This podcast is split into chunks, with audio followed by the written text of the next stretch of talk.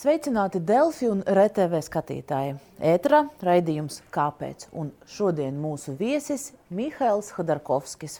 Kadreizējais Krievijas oligarhs, politieslodzītais, tagad saukts par Putina ienaidnieku.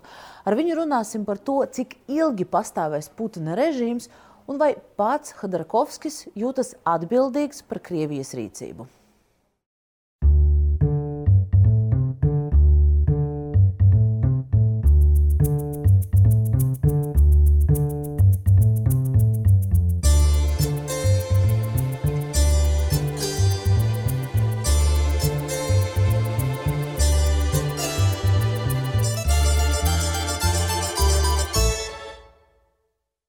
Mihails Khadarkovskis dzimis 1963. gadā Maskavā.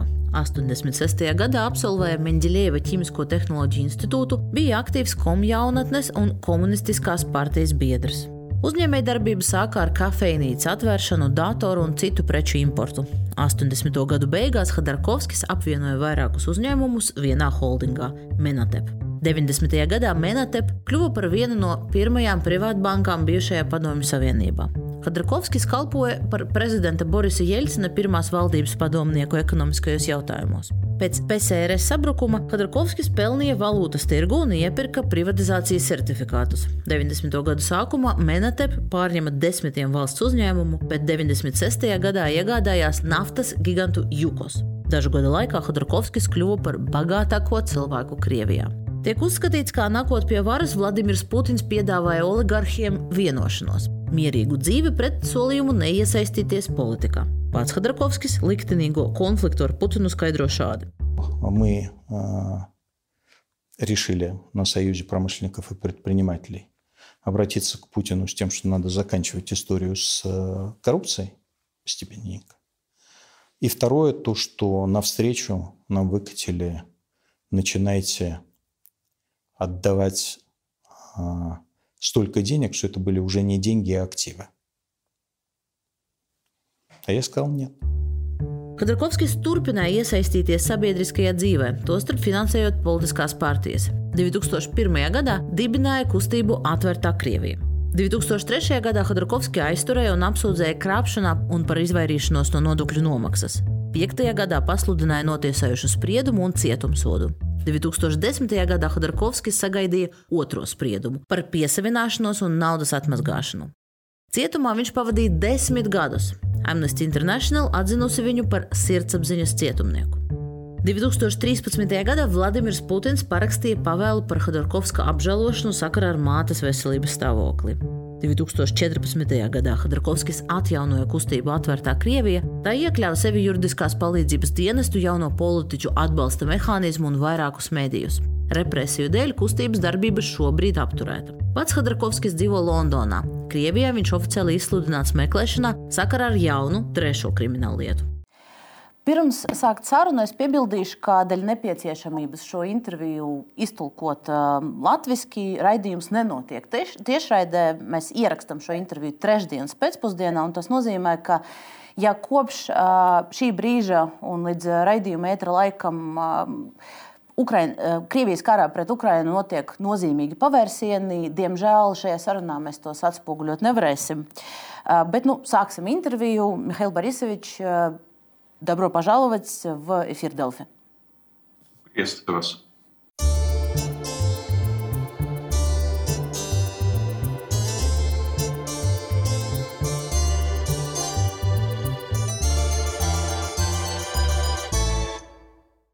Я хочу начать с, на данный момент, наверное, самого, ну, одного из самых громких событий последних дней. Это затопление флагмана Черноморского флота крейсера «Москва». Российские власти не признают, э, не считают это официально военной потерей, э, не информируют родственников, э, не объявляют траур. Как вы объясняете такое поведение? Во-первых, мы должны понимать, что затопление Э, крейсера «Москва» — это не только военная победа украинских войск, но это еще и свидетельство крайнего воровства в российской армии. Потому что огромные триллионы потраченные на перевооружение армии и флота за последние 11 уже практически лет, они были в значительной степени украдены, поэтому на крейсере «Москва» не оказалось ни современной системы а, ПВО, ни современной системы пожаротушения. И это, конечно, абсолютно беспрецедентная а, ситуация, когда а, боеспособность военно-морского флота подрывается собственным собственными э, ворами и грабителями. Я понимаю, что, возможно, э, украинцам и стоит им вручить какую-нибудь медаль за помощь и поддержку в борьбе Украины за свою независимость, но э, и я, может быть, даже и ходатайствовал бы об этом, потому что я считаю, что чем больше было украдено, тем меньше человеческой жизни эти бандиты отнимут. Но с другой стороны, конечно, об этом э, нужно говорить, а они об этом говорят, э, я имею в виду вот эти бандиты, об этом э, говорить боятся. Они боятся рассказывать родственникам о том, что их близкие погибли, в том числе из-за того, что из-за участия в э, захватнической войне, и, во-вторых, из-за воровства их собственного начальства.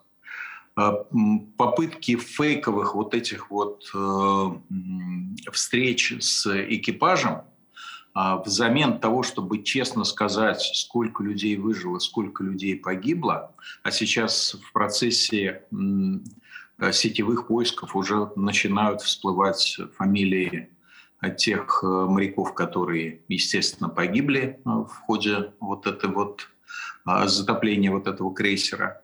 А, это все свидетельствует о совершенно беспардонном, а, нечеловеческом отношении не только к украинцам, но и к своим собственным солдатам и морякам.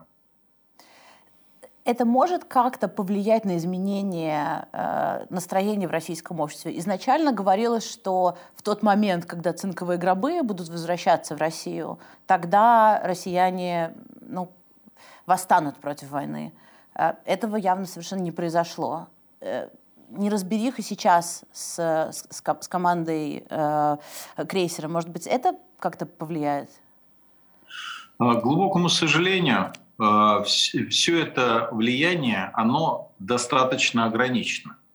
Во-первых, потому что, как вы видите, Путин пока старается призывать людей из э, глухих провинций. Вы это можете видеть и слышать по тем записям, которые публикует э, украинская сторона, и там явно слышен вот этот вот, во-первых, региональный говор, во-вторых, э, мы видим, насколько эти люди а, абсолютно нищие, да, вот их мародерство даже, вот, которое сейчас тоже всем стало очевидным, это мародерство абсолютно нищих людей, это мародерство нищих окраин.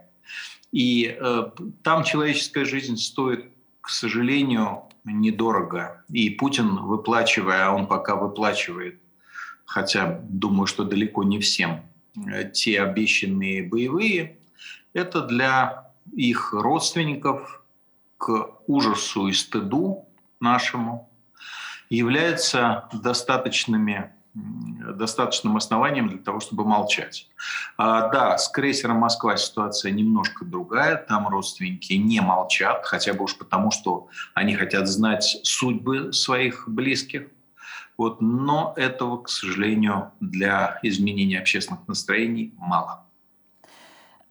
У вас есть какое-то объяснение э, тому, э, насколько яркая сейчас э, в каких-то своих проявлениях поддержка этой войны. Потому что вот я, вы наверняка видели, мне кажется, вы даже э, сами в своем твиттере делились этой картинкой, пасхальные куличи с, вот я сейчас на экране их показываю, с, да. с символикой, символикой этой войны. И еще одну вещь я хотела продемонстрировать. Я не знаю, видели ли вы это уже, но вот ролик такой появился. Я так понимаю, что это ну, такое народное творчество.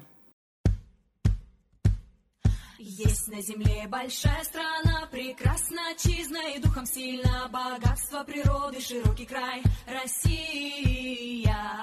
Славься, родная моя, героев память храни на века священные земли, победный май, Россия. Но здесь э, в таком, в таком стиле э, достаточно долго этот клип продолжается, но у вас есть объяснение? Э, отсутствие протеста — это, наверное, одна вещь. А вот, вот этот карнавал, как вы объясняете? А, ну, такие карнавалы я все-таки объясняю абсолютной бескусицей а, тех людей, которые имеют возможность выслуживаться перед Кремлем, а, вот, снимая подобные совершенно безвкусные, бессовестные а, записи в ситуациях, когда, в ситуации, когда погида, погибают тысячи украинцев и тысячи а, русских солдат погибают на абсолютно никому, кроме Путина, ненужной войне. Но общая вот эта вот ситуация поддержки, она, конечно, далеко не такая, как об этом говорят социологи. Я вообще считаю, что позорно для уважаемых социологических служб говорить о том, что они проводят какие-то реально хоть что-то стоящие социологические обследования в ходе э, войны Э, в тоталитарном государстве. Социология в таких условиях не работает. Это знают все, потому что социология – это штука все-таки добровольная. А кто сейчас добровольно а, позволяет себе высказываться? Ну, только те, кто считают возможным для себя голосить в поддержку этой самой преступной власти. Так вот, э, тем не менее, есть значительное количество людей, которые поддерживают войну, и это связано во многом с хорошо известным стокгольмским синдромом. То есть люди не хотят себя чувствовать подлецами, люди не хотят признаваться, что а, они не выступают, что им не хватает смелости выступить против ужаса, просто против настоящего ужаса и кошмара. И им это надо как-то себе объяснить. И вот этот вот а, вот этот вот психологический надлом им помогает исправить э, пропаганда, которая им подкидывает э, разного рода абсолютно бредовые для любого нормального человека утверждения. Там, типа того, кто себя бомбит, это себя, кто бомбит украинские города, это бомбят сами украинцы. Кто убивает гражданских э, на улицах украинских городов, ну, конечно, это убивают сами украинцы. Нормальный человек это не воспринимает. Но в ситуации стокгольмского синдрома, этого вот глубокого психоза, такая ситуация может продолжаться некоторое время. Как показывает опыт, э, это может продолжаться даже а, больше года. Ну, на ваш взгляд, кто-то сейчас что-то может сделать, чтобы из этого психоза, как вы говорите, российское, российское население, а, тех людей, которые остались еще в России, а, как вывести это? Это Запад, это российские оппозиционеры, ну, хоть кто-то. Я считаю, что э, очень важно при всем при том работать с э, населением России, потому что э, никто сегодня не понимает, и Кремль тоже не понимает, насколько этот психоз, насколько это истерическое состояние может в одну секунду сломаться. А в российской истории, как вы знаете, ровно век назад была ситуация, когда в течение буквально нескольких месяцев вот этот вот э, военный э, психоз, военная истерия сломалась и сломала э, казавшееся незыблемым самодержавие. Так вот, э, поэтому очень важно продолжать работать с российским населением, потому что, например, в практическом смысле сегодня Кремль боится провести большую мобилизацию. Почему вот у него такие проблемы с личным составом? Потому что Кремль просто боится провести а, эту самую мобилизацию, потому что ее последствия, последствия вооружения народа могут оказаться крайне причудливыми для, для Кремля. А можно ли в результате этого победить вообще машину пропаганды? А, можно, но не так быстро. Как мы знаем, глубокому сожалению, а, в Германии германская пропаганда в отношении части населения продержалась не просто до конца войны, а полная денацификация реально закончилась в конце 60-х годов. И я боюсь, что моей стране это тоже предстоит пережить. Ну, э, вы упомянули, что с российским населением нужно работать. А что вы под этим понимаете? И кто это должен делать? Это делаем, во-первых, мы, а те люди, те россияне, которые понимают ситуацию и которые имеют возможность доносить до российского общества а, альтернативную точку зрения, альтернативную государственной пропаганде.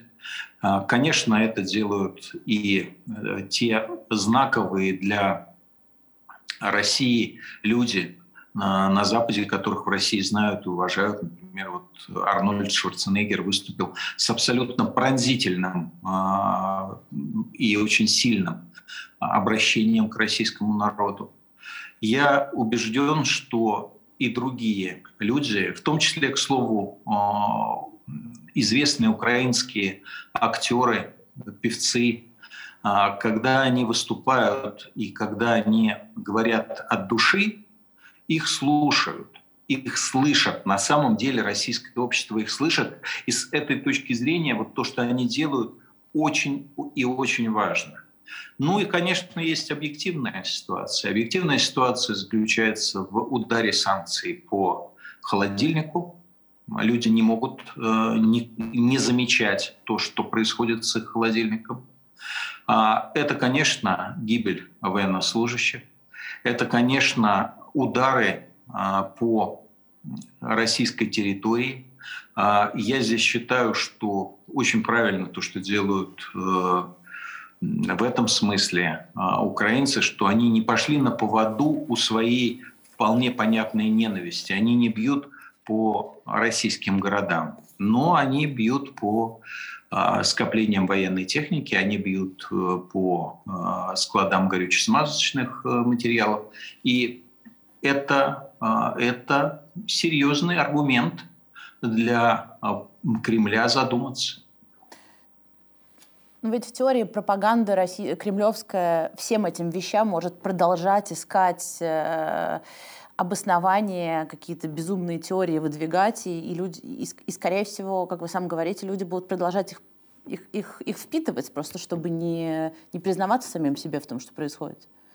Ну, какое-то количество людей, несомненно. То есть я полагаю, что 20-30% э, населения э, вылечит только время. Э, возможно, время, которое закончится их смертью.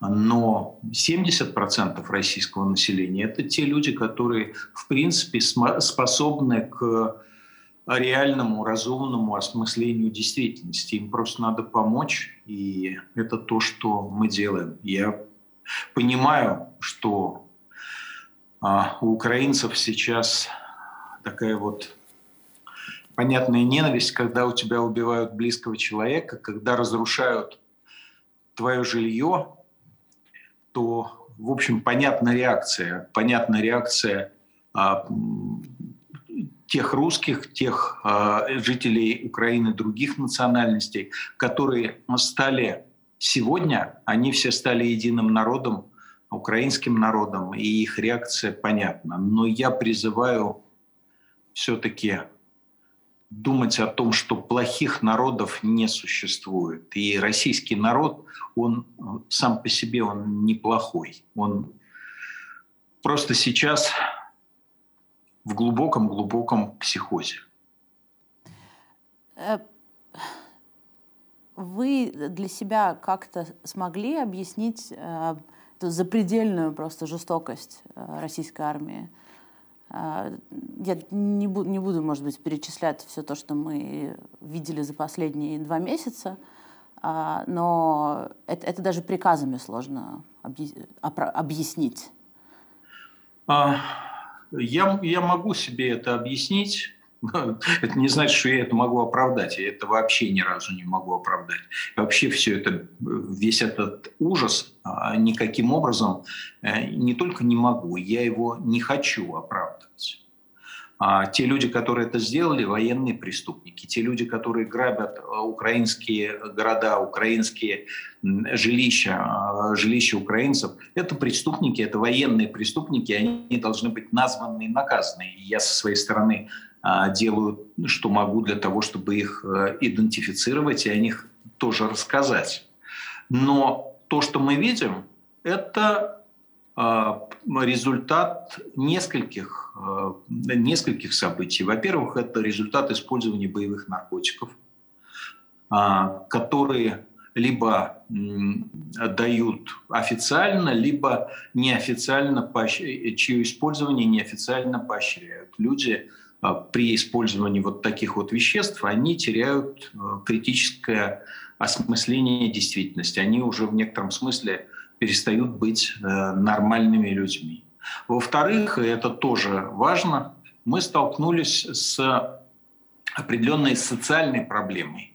Нам всегда рассказывали, что Россия в три раза а, богаче Украины. На самом деле оказалось, что, может быть, Россия где-то и богаче, но богатство в России распределено а, неравномерно. А в Украине оно разделено, э, распределено гораздо более равномерно. Это показывают так сказать, те экономические показатели, которые вот отражают эту ситуацию. И поэтому, когда жители Рубцовского, о котором э, я рассказываю в, в своем последнем видео, а, приходят в Укра... пригород Киева, да, то они видят Э, богатство, которое для них кажется запредельным. Стиральные машинки, микроволновки в каждой квартире. Вот. И они начинают ненавидеть этих людей, во-первых, вот этой вот самой социально-классовой ненавистью, а во-вторых, э, им приходится покрывать э, грабеж, убивая случайных свидетелей, убивая хозяев, пытая людей для того, чтобы они выдали свои драгоценности. Ну, в общем, как ведет себя банда, вот просто банда. Вот они так себя и ведут. Это, это не военные, это бандиты. Еще один, один э, аспект этой войны, который э, особенно э, в Латвии и в других странах, которые пережили оккупацию Советского Союза, э, ужасает, это массовая депортация украинцев э, на территорию России, э, фильтрационные лагеря, э, разговоры о том, что э, в российские семьи украинских детей э, будут отдавать. Э, на ваш взгляд, это часть плана, это осознанная стратегия, если да, то в чем она заключается? А, я пока для себя этого не понял. Это для меня, для самого было абсолютное откровение, вот то, что это происходит. И когда я узнал о том, что вот такое началось, мы а, теми возможностями, которые у нас были, стали изучать э, ситуацию в Ростовской области, еще в нескольких областях. И мы нашли, да, мы нашли настоящие фильтрационные лагеря, мы нашли настоящие концлагеря. Причем в этих э, фильтрационных лагерях не налажен реально э, полноценный учет людей.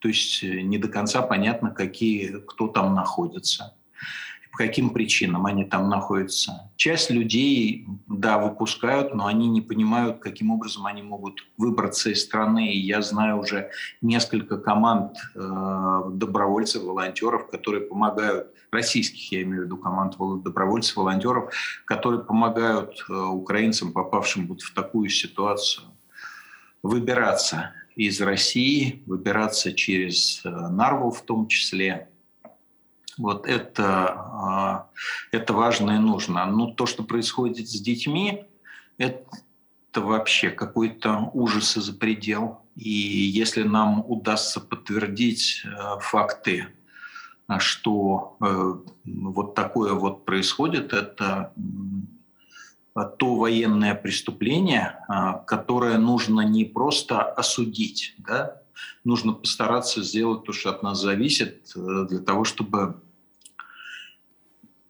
вернуть этих детей.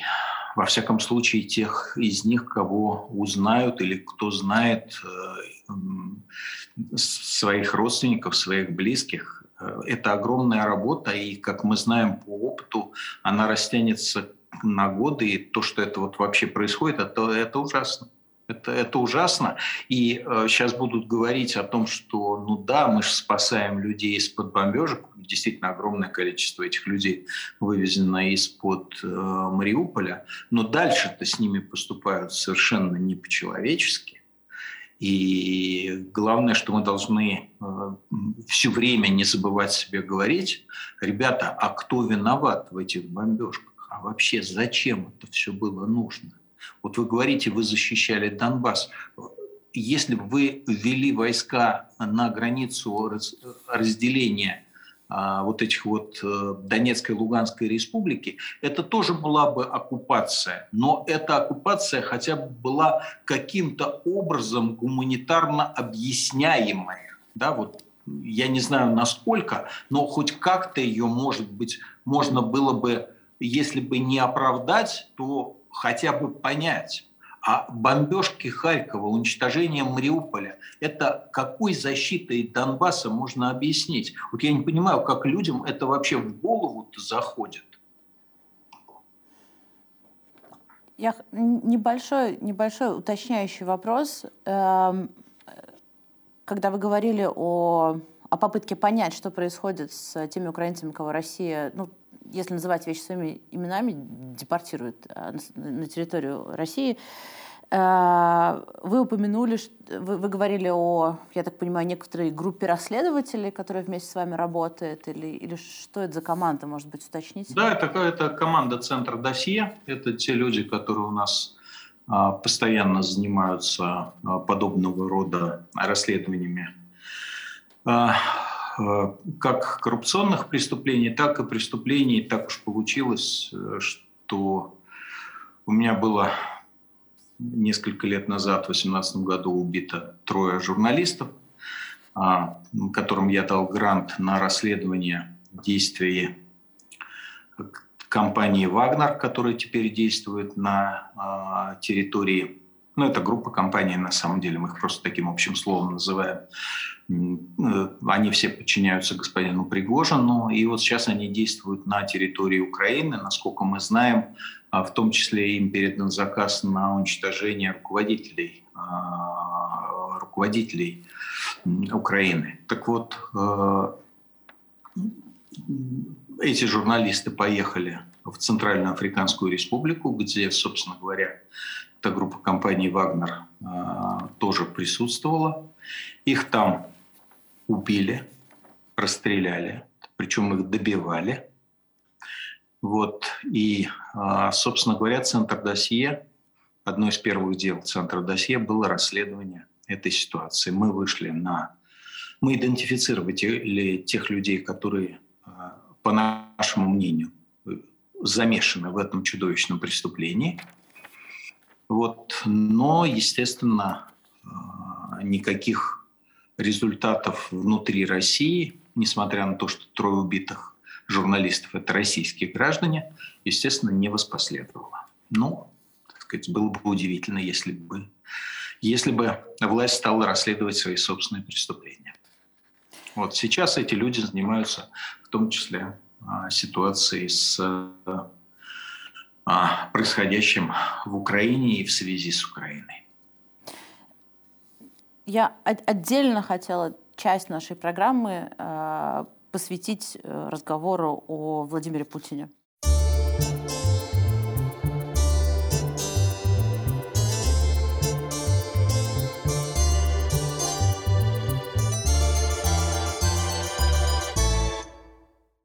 Вы нашли для себя объяснение, зачем он развязал эту войну? Зачем он ее начал?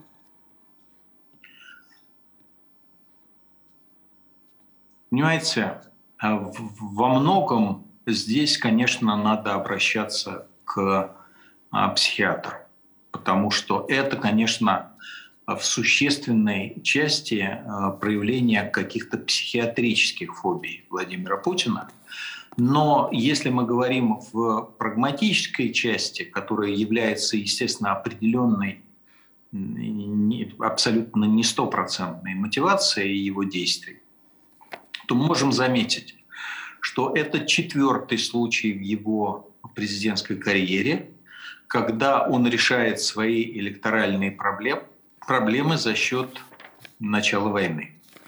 А, это было, во-первых, в 1999 году, когда он только шел на пост э, президента. Ему нужна была электоральная поддержка, которой у никому неизвестного человека не было.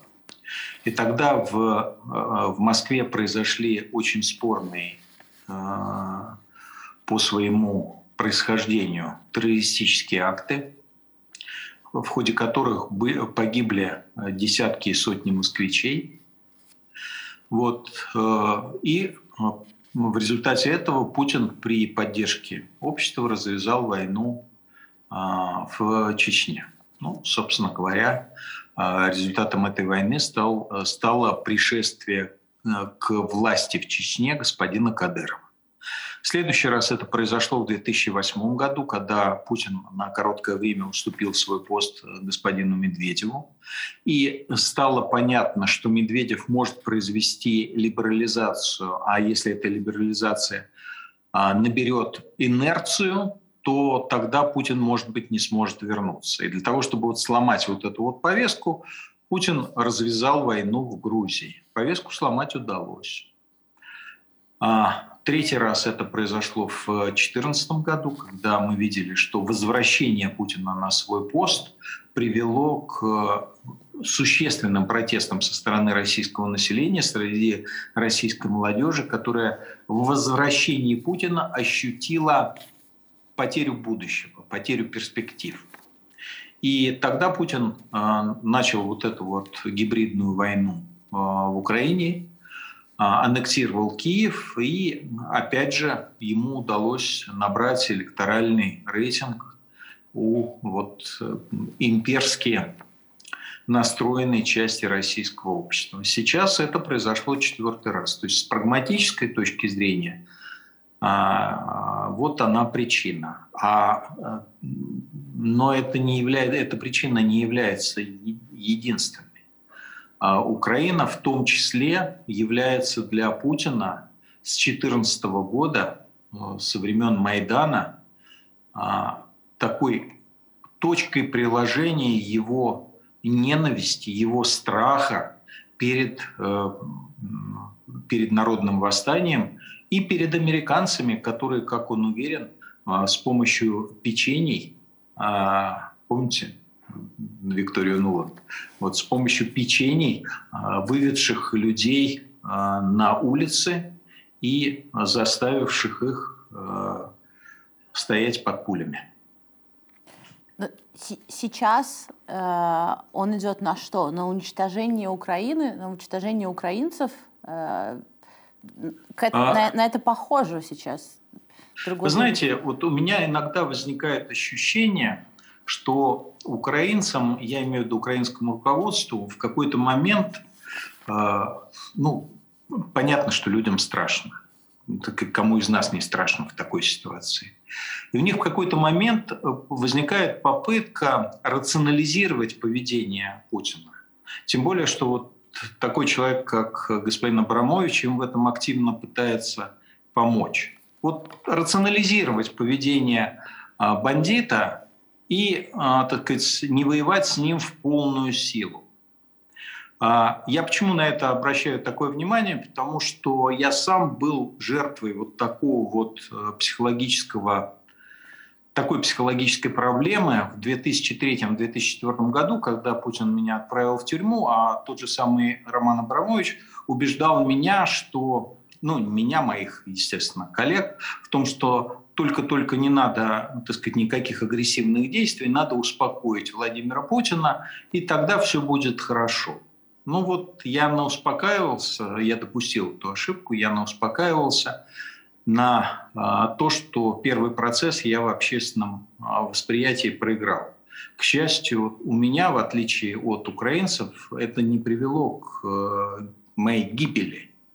Да, но это привело к серьезной ошибке, которую мне пришлось исправлять во время второго процесса. Вот сейчас все те, кто думают, что с Путиным можно договориться иначе, чем на поле боя, они себя обманывают. А, вот для меня таким очень существенным в этом смысле знаком было выступление Путина 12 сентября на космодроме, где он очевидно говорил о том, что он будет добивать Украину. И добивать он понятно, что, так сказать, ему, я надеюсь, сил на это не хватит, но если по чечаянию ему удастся добить э, донбасскую группировку украинских войск, то Киев ждет новая волна атаки. И с этой точки зрения надо понимать, что Путина надо бить и не слушать разных а, а, фальшивых миротворцев, которые уверяют, что с Путиным можно договориться. Путин ненавидит нынешнюю Украину именно за ее демократический и свободолюбивый дух. И пока он этот демократический и свободолюбивый дух не сломает, он сам не остановится, но его можно остановить. Вы призываете ну, Запад, ЕС, США, НАТО каким-то конкретным действиям этими словами? А я, собственно говоря, их постоянно призываю ребята, только в ваших э, головах э, вы еще не воюете. Вот это вот меня прямо, вот знаете, я бы сказал бы веселит, э, если бы нельзя было бы, если бы это действительно было веселье. Значит, буквально веселит, когда те же уважаемые немцы говорят, ну вот эти вот поставки оружия еще не означают, что Германия в войне или американцы, которые говорят, ну вот мы не хотим, чтобы Путин воспринимал это как войну с США и НАТО. Это только в ваших головах он не воюет с США и НАТО, а в его голове он уже давно воюет в Украине США и НАТО. И для него переход украинской границы, если, так сказать, у него на это будет, будут силы, да, это ничего нового это продолжение той самой войны против США и НАТО. Поэтому либо Путину удастся остановить на территории Украины, и это будет очень хорошо и для Украины, и для России на самом деле. Либо его все равно придется останавливать, но уже на территории какой-нибудь из стран НАТО, и это будет э, сильно для всех э, гораздо более неприятно, потому что уровень а, гибели людей, а, боюсь, что будет совершенно другой, потому что применяться будет совершенно другое оружие. Ну, много сейчас говорится о том, что, да, что, что, что в данной войне э, против Украины у российской армии не хватает ресурсов ни, ни человеческих, ни Э, неорганизационных, э, вы сами упоминали коррупцию в армии. Э, здесь вопрос возникает, ну, откуда они возьмутся на какой-то более масштабный проект? Я очень надеюсь, что они не возьмутся, но мы с вами должны понимать, что любая война она, с одной стороны, вызывает у общества усталость, с другой стороны, вызывает у общества раздражение. Общество переводится на военный лад, и спустя год, э, может быть, при определенных усилиях э, со стороны путинской пропаганды, удачи со стороны путинской пропаганды и неудачи с нашей стороны, э, может быть, ему удастся провести мобилизацию. А если Путину удастся провести мобилизацию, то э, это, конечно, совершенно другие цифры, совершенно другие возможности. И когда мы говорим, что у Путина не хватает оружия, да, у него не хватает высокоточного оружия, да, у него не хватает того оружия, которое позволит экономить жизни российских солдат. Но в тот момент, когда ему а будет наплевать на жизни российских солдат, ему-то, в общем, всегда наплевать, но просто сейчас он побаивается реакции крупных городов, а это вопрос э, пропаганды. Почему я говорю, что, собственно говоря, борьба э, на пропагандистском фронте, она крайне важна. вот если ему не нужно будет бояться реакции крупных городов, то вооружить миллион человек э, старыми калашниковыми и старыми гаубицами, ну, в общем, у него сил хватит. Я поэтому говорю, что в результате будет применяться совершенно другое оружие, и э, количество жертв вырастет по экспоненте.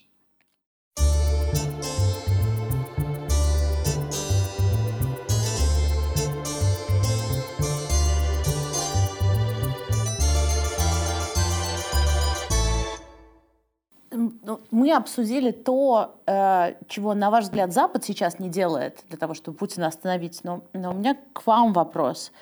Э, после выхода из тюрьмы, с, начиная с 2014 года, вы, э, в принципе, главным проектом вашей жизни стал, была и стала и продолжила быть Россия. Вы возобновили движение «Открытая Россия», э, движение «Открытые выборы», которое помогало кандидатам в Российскую Государственную Думу как-то подняться, э, большое количество различных СМИ. Анализируете ли вы сейчас свой подход к попытке изменить российское общество вот в эти годы? И видите ли вы ну, какие-то ошибки Почему? Ну, конечно, слушайте, а я и ошибок э, допустил много.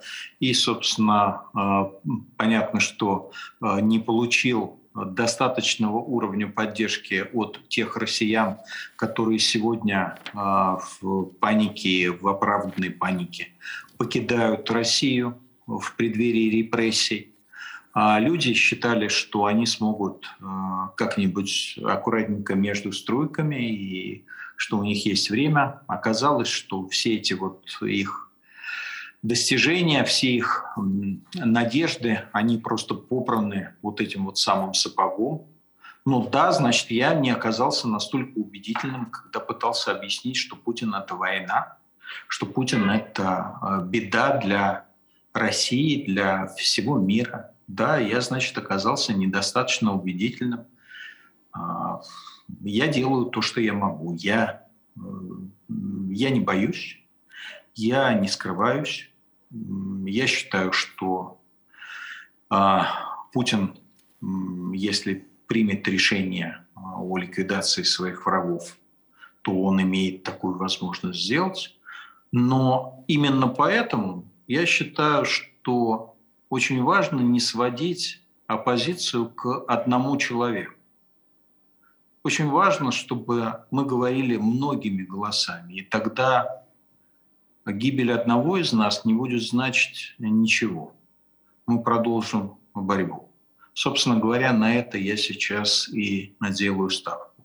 А являюсь ли я э, талантливым политиком? Ну, конечно, не являюсь. Конечно, в какой-нибудь другой ситуации я бы никогда бы не стал заниматься политикой. Мне нравится бизнес, и я с удовольствием занимаюсь именно бизнесом но я не хочу, чтобы мне было стыдно смотреть в глаза и своим детям, и своим внукам, и своим соотечественникам, и, собственно говоря, украинцам, среди которых у меня так много э, друзей, и ну, я, просто, я просто не могу себе позволить вести себя иначе. Ваша стратегия была неверна. В чем, в чем, на ваш взгляд, ваша главная ошибка? Э, в тот момент, когда в 2016 году э, официально оформлялось движение «Открытая Россия», вы говорили, что э, режим путинский, он рано или поздно сам собой слопнется, а ваша задача подготовить российское общество, российских политиков для того, чтобы оно было готово к этому переходу к демократической стране. Вот в этом была ошибка или, или где-то еще? Я еще раз хочу повторить то, что я сказал. Я считаю, что главная проблема а, у меня, которая была и есть, э, я, видимо, недостаточно а, убедителен.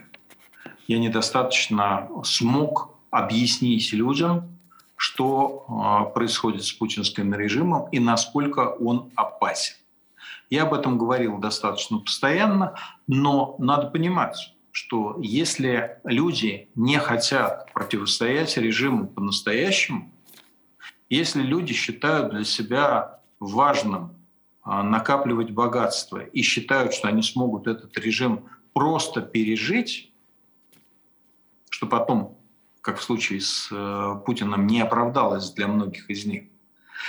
Так вот, а, в этой ситуации призывать их на улице, призывать их к а, восстанию – ну, это э, безответственно, они просто к этому не готовы. Поэтому я и говорю, что я делал то, что мог, видимо, недостаточно убедительно. Вот сейчас мы столкнулись а, с тем фактически, с той фактической ситуацией, которая, к которой мы шли все эти годы. Можно ли сейчас сделать что-то, кроме того, чтобы призывать людей одуматься, призывать людей а, противостоять этому режиму хотя бы путем саботажа, путем индивидуального сопротивления. Ну, наверное, сегодня а, призывать к чему-то большему а, это по-прежнему или еще может быть более безответственно, потому что режим готов стрелять, он это показал, а российское общество не готово едино, в едином порыве ему противостоять. Когда эта готовность возникнет, а, понятно, что делать. Когда этот режим падет, понятно, что делать. А как общество к этому подвести? Ну, во-первых, это делает сам Путин, он подводит общество к этому состоянию. Во-вторых, мы должны быть более убедительными. То есть это вопрос качества нашей работы. Вы видите сценарий, при котором режим Путина падет? Э, у вас есть я, представление, я, как, как это будет происходить? Слушайте, я вижу целый ряд сценариев, но на сегодняшний день а, скорее всего, что он пойдет только с э, уходом самого Путина. Как он уйдет, будет ли это режим верхушечного переворота под названием Табакерка, или это будет э, более обширный, э, э, более обширный элитный конфликт, который бывает в России, когда выступит армия, или это, может быть, будет какой-то заговор в его окружении. В восстание безоружного народа я, естественно, не верю. Но то, что я понимаю, что военное поражение для Путина в течение очень короткого времени создаст огромный и очень серьезный удар по устойчивости его власти. Именно поэтому я говорю, что украинцы сегодня воюют не только за свою свободу, но и фактически за свободу а, народа России. А после того, как э, Путин уйдет из жизни, скорее всего, что а, на его место придет какой-нибудь Мишустин или кто-то типа него.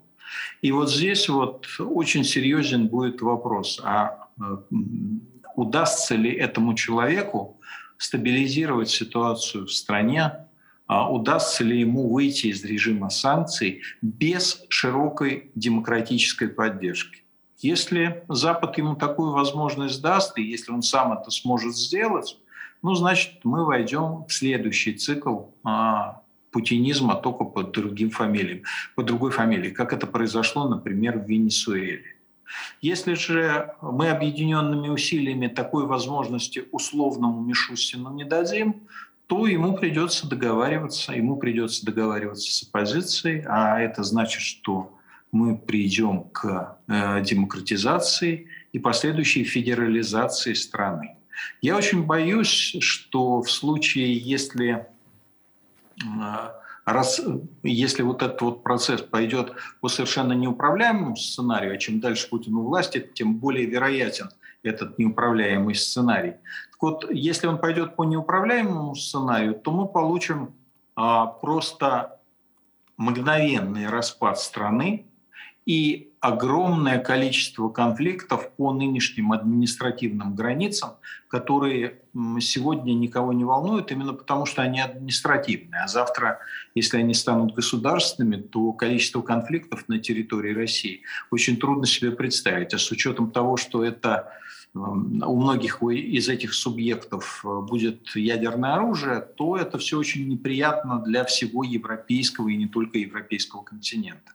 Поэтому предельно важно представлять себе не только, как войдет Путин, а это произойдет, как я уже сказал, в результате, скорее всего, его смерти, а, но и что будет после, и насколько а, Запад и мы все будем готовы к тому, чтобы принудить того человека или тех людей, которые придут ему на смену, к привлечению широкой в том числе демократической коалиции к управлению страной. Я считаю, что это вполне возможно. А вот сценарий доброго царя я в него не верю. Вы видите э, лидеров э, со стороны оппозиции, которые вот в этот диалог могли бы вступить? Я еще раз хочу повторить, что я не вижу, я не верю в сценарий доброго царя, но при этом я вижу огромное количество уже на сегодняшний день, десятки людей, очень уважаемых людей, которые вполне себе могут э, участвовать вот в таком диалоге. Я вижу этих людей сейчас в антивоенном комитете России, я вижу этих людей сегодня и а, за его пределами. Вы видите роль э, Алексея Навального в, этой, э, в этом переходе? Я очень надеюсь, что Алексею удастся выжить. И я очень, э, я, в общем, считаю, что а, как человек, который очень эффективен как политик, он мог бы сыграть весьма значимую роль в вот в этом вот э, переходе. Но крайне важно, я еще раз хочу повторить, крайне важно, чтобы мы не искали доброго царя, чтобы мы не считали, что там какой-нибудь, я не знаю, а, а, Мишустин или там Медведев или там Собянин или Навальный могут, а, став на место Путина, привести страну к демократическому будущему. Этого точно не будет. Россия может быть либо самодержавной, либо э, демократической. В первом случае она будет обязательно имперской и будет представлять опасность для своих соседей, кто бы ни был на посту э, президента. Во втором случае, тогда, когда Россия будет демократической, парламентской, федеративной, э, просто сама структура власти, распределенная между регионами страны, не позволит России стать э, агрессивной во внешнем мире. И вот к этому мы должны стремиться.